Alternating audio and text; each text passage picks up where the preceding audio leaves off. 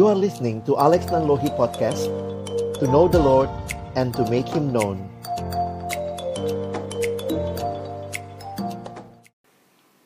Malam hari ini kami kembali datang dalam ucapan syukur karena Tuhan sungguh Engkau sudah begitu baik memelihara persekutuan kami selama sekian belas tahun dan juga Tuhan yang sendiri bekerja di dalam dan melalui kami untuk mengerjakan apa yang menjadi panggilanmu dalam hidup kami masing-masing. Dan kembali hari ini kami bersama-sama bersekutu, kami menaikkan pujian kami kepadamu, kami juga ingin mendengarkan firman-Mu. Firman yang kami percaya adalah pelita bagi kaki kami, terang bagi jalan kami, yang menuntun mengarahkan hidup kami. Bahwa semuanya adalah tentang Engkau bagi kemuliaan namamu. Waktu ke depan kami persembahkan ke dalam tangan pengasihanmu, Tuhan yang memimpin hambamu yang menyampaikan, setiap kami yang mendengar, dan juga nanti dalam sharing satu sama lain boleh saling meneguhkan, saling menguatkan. Dalam nama Tuhan Yesus Sang Firman yang hidup, kami menyerahkan pemberitaan firman-Mu. Amin. Shalom teman-teman, selamat malam. Bersyukur kita bisa ketemu lagi secara virtual dan ya uh, ya kita nggak nggak janjian tema khusus amat gitu ya makanya Kak Alex juga siapin satu bagian firman dalam tema ini ya. The King in a Manger. Sang Raja di Palungan. Tentu ini kayaknya nggak klop gitu ya. Kalau king harusnya lahirnya di tempat yang nyaman. Harusnya ya di king size bed gitu ya. Tapi kita melihat Natal bicara tentang sang raja di dalam palungan. Ini bukan hal yang baru buat kita, tentunya kita sudah tahu, tapi menghayatinya saya pikir yang perlu terus-menerus kita disegarkan bagi hidup kita. Menghayati bahwa Yesus yang mulia, dia datang dengan sangat hina, agar kita manusia yang hina karena sudah jatuh dalam dosa, kita bisa jadi mulia di dalam dia. Tidak bisa kita bayangkan dengan pikiran kita yang terbatas, Allah menjadi manusia. Seorang uh, apa ya teolog bernama Marfadon dia mencoba mengajak kita berpikir tentang apa artinya sang pencipta jadi ciptaan. Realitanya memang tidak mudah kita mengerti dengan pikiran kita yang sangat terbatas. Itu bayangkan seperti ini ya pencipta jadi ciptaan itu dia mencoba menggambarkan gini.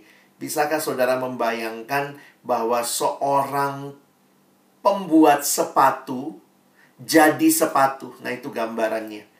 Pencipta jadi ciptaan.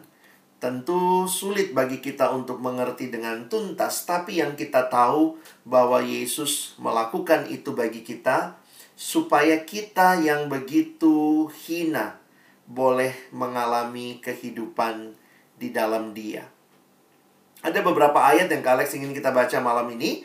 Yang pertama dari Lukas pasal 2 ayat 12 ya, Lukas pasal 2 ayat 12 kita tahu bahwa ketika malaikat nampak atau tampak kepada para gembala, maka kita melihat para gembala itu ketakutan. Lalu kalimat malaikat jangan takut Sebab sesungguhnya aku memberitakan kepadamu kesukaan besar bagi seluruh bangsa. Ya, itu menarik sekali melihat istilah yang digunakan. Good news of great joy for all the people. Lalu nanti dilanjutkan di ayat 12. Nah, ini ayatnya. Dan inilah tandanya bagimu. Kamu akan menjumpai seorang bayi dibungkus dengan lampin dan terbaring di dalam palungan.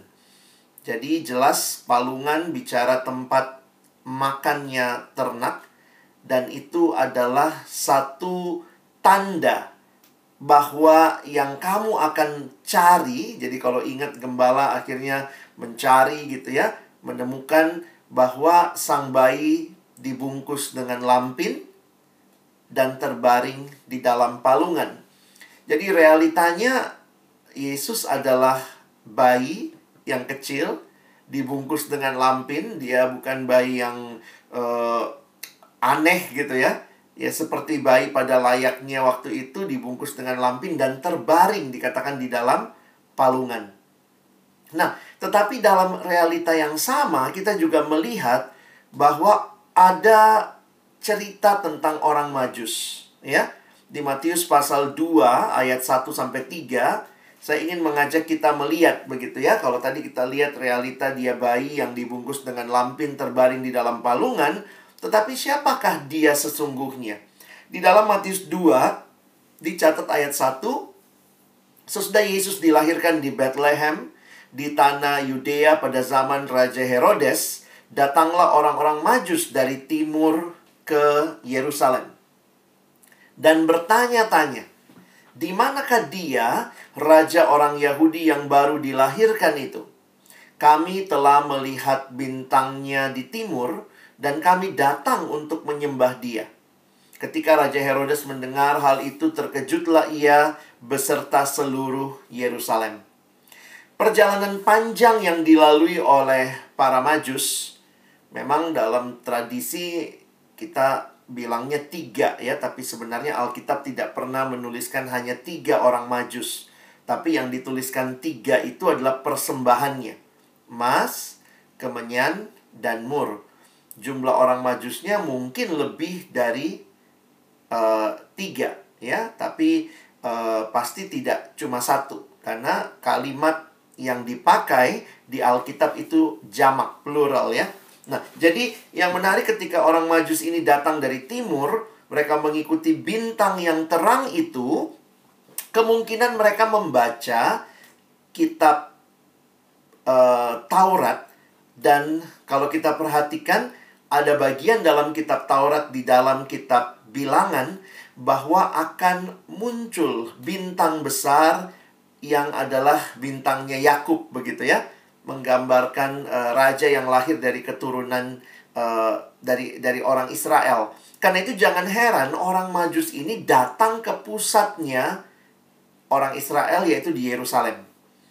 Nah, dan menarik dia bertanya, di manakah raja orang Yahudi yang baru dilahirkan itu? Mereka datang tepat ke pusatnya orang Yahudi di Yerusalem dan berita itu sampai kepada Herodes. Dan Waktu Herodes mendengar, saya pikir juga mungkin Herodes kaget gitu ya. Teman-teman kalau kita ingat raja, pada waktu itu raja itu kan memerintah, maka sesudah dia yang menggantikan itu anaknya, biasanya begitu. Jadi pertanyaan ini memang pasti cukup menggelisahkan karena mereka datang dan bertanya, di manakah raja orang Yahudi yang baru dilahirkan? Ya mungkin Herodes ngecek gitu ya. Dia cek istri-istrinya siapa yang baru melahirkan ya nggak ada yang baru melahirkan. Jadi ini jadi berita yang menarik karena di dalam ayat yang ketiga tadi ditulis ketika Raja Herodes mendengar hal itu terkejutlah ia beserta seluruh Yerusalem. Ini kalau bayangannya nonton film Walt Disney ya satu satu kota semua itu duk gitu ya dia terkejut begitu. Nah apa yang dikatakan dengan terkejut itu di dalam uh, pengertiannya bisa dapat berarti gelisah, khawatir, terganggu. Nah, mungkin ini jadi menarik untuk kita coba lihat sedikit latar belakangnya ya. Nah, Alex malam ini mau angkat sedikit latar belakangnya. Kenapa Herodes begitu gelisah, begitu khawatir, begitu terganggu? Sedikit sejarah tentang Raja Herodes. Pada masa pemerintahan Herodes ini yang panjang dinodai dengan lumuran darah. Kerajaan Romawi menjadikannya raja orang Yahudi tetapi itu hanya sebagai raja boneka. Jadi menarik waktu itu Roma sedang menjajah Israel. Nah, lalu mereka mengangkat raja boneka yang mereka sebut raja orang Yahudi, tetapi sebenarnya Herodes ini orang asing. Bapaknya seorang Edom dan ibunya seorang putri raja Arab. Jadi Herodes sama sekali bukan orang Yahudi dan dia tidak punya hak sebenarnya atas tahtanya sebagai raja orang Yahudi. Nah, akibatnya apa? Yang menarik sejarah mencatat tahta Herodes ini sangat goyah. Herodes hidup dalam ketakutan terhadap pesaing-pesaingnya. Dia menderita paranoia berat. Jadi dia orang yang sangat paranoid begitu ya. Jika ia melihat orang yang dianggap atau dicurigai sebagai pesaingnya, orang itu segera dihabisinya. Wah, ini raja yang sangat-sangat luar biasa kejam. Sejarah mencatat dia membunuh istrinya, Marian, Mariana, ibunya, Alexandra. Dia bunuh ketiga putranya, Aristobulus, Alexander, dan Antipater dia membunuh lebih dari setengah anggota Sanhedrin. Sanhedrin itu kayak MPR-nya orang Yahudi, itu isinya kira-kira 70 orang. Dia bunuh lebih dari setengah anggota Sanhedrin, dan dia juga membunuh banyak paman, saudara sepupu, dan kerabat dia lainnya. Ini raja yang sangat insecure ya, ngeri banget. Kalau kita melihat bahkan dikatakan sebelum dia mati, menjelang kematiannya pun dia masih mengeluarkan perintah untuk membunuh anaknya karena dia masih takut tahtanya diambil. Sehingga dalam catatan sejarah ada sejarawan namanya Yosefus. Yosefus misalnya mencatat begini ya. Dia menyebut Herodes itu monster yang tidak punya belas kasihan. Kaisar Agustus pada waktu itu mengatakan bahwa lebih aman menjadi babi Herodes ketimbang menjadi putranya. Dan ini jadi menarik sekali untuk memperhatikan. Jadi bayangkan raja yang begitu insecure ini ketika datang orang majus dan bertanya di mana raja yang baru dilahirkan itu. Saya yakin banget dia belingsatan banget. Jadi reaksinya itu langsung reaksi yang wow, ada raja lain. Siapa yang mengancam tahta saya? Mungkin kita kalau baca sejarah ini kita bilang gila banget ya Herodes ya. Gila banget. Tapi sebenarnya reaksi Herodes ini bukanlah reaksi yang asing buat kita. Kenapa? Alex tulisnya gini ya.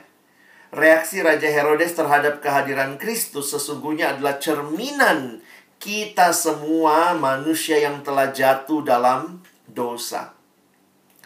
Teman-teman, kalau dikatakan ada raja lain, saya pikir kalau bicara manusia di dalam dosa, kalau kita lihat sejak di Taman Eden, manusia merasa dirinya lah segala-galanya. Itu yang sebenarnya jadi akarnya dosa. Merasa diri saya lah segala-galanya. Manusia pikir dia rajanya. Dan manusia selalu lupa. Manusia berdosa selalu lupa bahwa dirinya bukan Allah. Dirinya bukan raja.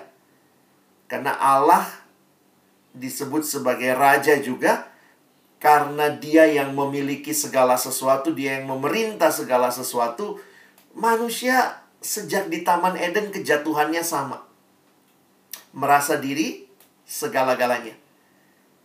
Manusia mau jadi Allah. Manusia mau dialah yang mengatur hidupnya. Karena kalau kita melihat ada Allah, maka harusnya kita yang menyerahkan diri kita diatur oleh Dia. Jadi reaksi Herodes sekali lagi sebenarnya ini reaksi dari semua kita manusia berdosa yang tentunya ketika kita dengar ada raja yang lahir saya mengutip kalimat dari Timothy Keller dia mengatakan begini Only one person can sit on absolute throne. Logikanya di tahta itu nggak mungkin ada dua raja yang duduk pangku-pangkuan lagi nggak mungkin ya. Dalam konteks sejarah kerajaan maka hanya satu raja yang boleh bertahta. Dan kalau dia true king ya, Jesus is the true king, maka sebenarnya ini realita yang perlu kita sama-sama sadari saya simpulkan dengan kalimat ini ya. Kalau betul Yesus Raja, maka ketika kita rayakan Natal, kita menyambut Sang Raja di hati kita. berarti setiap kita harus turun tahta. Kalau yang lahir adalah raja di atas segala raja, dan dia saya sambut dalam hati saya, maka waktu saya merayakan Natal, saya harus turun tahta dan mengizinkan, membiarkan dia memerintah di tahta hatiku. Teman-teman yang dikasihi Tuhan, merayakan Natal itu tidak nyaman karena kita harus berhenti jadi raja atas diri kita. Kita harus membiarkan Dia Allah yang menjadi raja penguasa mengatur hidup kita. Bukan apa yang kita mau harusnya jadi utama, tetapi apa yang Dia mau karena Dia raja. Sehingga ya nyambung juga sama apa yang Abi pilih ya. It's all about you. Segalanya tentang Dia, bukan tentang saya. Kadang-kadang kita cuma mau Yesus itu dalam hidup seperti apa sih? Kalimat Timothy Keller dia lanjutkan, most people want Jesus as a consultant rather than a king. Kita cuma mau konsultasi, ada masalah datang sama Yesus, ada masalah datang sama Yesus, tapi sudahkah kita memberikan seluruh ruangan yang utama di hati kita untuk dia memerintah sebagai raja? Kadang-kadang kita kalau lihat status, kita like gitu ya, entah di Instagram, di Facebook, tapi kalau kita benar-benar kenal Yesus, saya kutip lagi kalimatnya. Jesus cannot be just like his claims make us either kill him or crown him. Kalau dia sungguh-sungguh raja, maka cuma dua kemungkinan. Kalau kita nggak mau dia memerintah, kita bunuh saja dia. Itulah yang orang Yahudi lakukan. Kill him. Tapi kalau dia sungguh-sungguh raja, then we have to crown him kita harusnya merajakan dia dalam hidup kita. Sehingga pertanyaan penting dalam Natal tahun ini bagi kita. Is God the king of your life? Is Jesus the king of your life? Dan kalau sungguh-sungguh dia raja, dia segalanya buat hidup kita. Maka mari bawa seluruh hidup kita bagi sang raja. Hidup kita jadikanlah sebagai sebuah persembahan bagi sang raja. Kenapa? Karena sang raja itu dia tidak hanya datang memerintah. 2000 tahun yang lalu dia datang sebagai bayi kecil di malam Natal, tapi dia tidak tinggal kecil terus. Dia bertumbuh, dia dewasa, dia kemudian menderita, mati di kayu salib menggantikan kita, dia bangkit, dia naik ke surga dan dia janji akan datang kali yang kedua. Sehingga kalau kita melihat apa yang sang raja ini lakukan, dia bukan raja yang tinggal jauh di sana tapi dia peduli dengan pergumulan kita. Dia raja yang menyerahkan dirinya bagi kita. Kalau raja seperti itu yang kita terima dalam hidup kita. Raja yang rela menyerahkan seluruh hidupnya bagi engkau dan saya maka maukah kita juga mempersembahkan seluruh hidup kita bagi sang raja? Kadang-kadang kalau dengar kata raja kita agak terganggu karena apa kita hidup di alam demokrasi. Raja itu langsung bayangan kita pasti maunya memerintah otoriter seenaknya tanah orang diambil. Banyak raja dunia ambil yang bukan miliknya. Tapi raja surgawi ini yang datang dia raja yang memberi, memberi, bahkan memberi seluruh hidupnya. Sehingga mengalami Natal, harusnya kita juga berkata, Tuhan, sekarang hidupku sebagai hadiah yang kupersembahkan kepadamu, yang engkau telah terlebih dahulu mempersembahkan segala sesuatu bagiku. Kiranya renungan ini menolong teman-teman masuk dalam Natal kembali tahun ini dengan sungguh-sungguh menyerahkan seluruh hidup kita dipimpin oleh Raja yang sudah menyerahkan seluruh hidupnya bagi kita. Amin. Mari berdoa. Bapa Surgawi terima kasih kalau kami kembali merayakan Natal Natal berarti lahirnya Yesus Sang Raja di atas segala raja bagi hidup kami. Natal berarti kami turun tahta.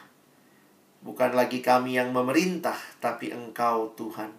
Terima kasih untuk kebenaran firman-Mu yang kembali mengingatkan kami untuk dalam hidup ini benar-benar merajakan Engkau seumur hidup kami. Terima kasih, tolong kami menyerahkan pergumulan keluarga kami, pergumulan perekonomian kami, pergumulan relasi-relasi kami, pergumulan di tengah dunia ini yang sudah yang jatuh dalam dosa, di tengah pergumulan dunia yang menghadapi corona, di tengah pergumulan kami ingat bahwa ada raja di atas segala raja yang lahir di palungan, yang berjanji dia tidak akan meninggalkan kami. Engkaulah Sang Immanuel yang menyertai perjalanan kami. Terima kasih Tuhan, karena janjimu, kehadiranmu dalam hidup kami itu cukup bagi kami untuk melangkah dengan penuh keberanian, dengan penuh penyerahan diri kepada Tuhan. Tolong kami bukan cuma jadi pendengar firman, mampukan kami jadi pelaku-pelaku firman-Mu. Dalam nama Yesus kami berdoa. Amin.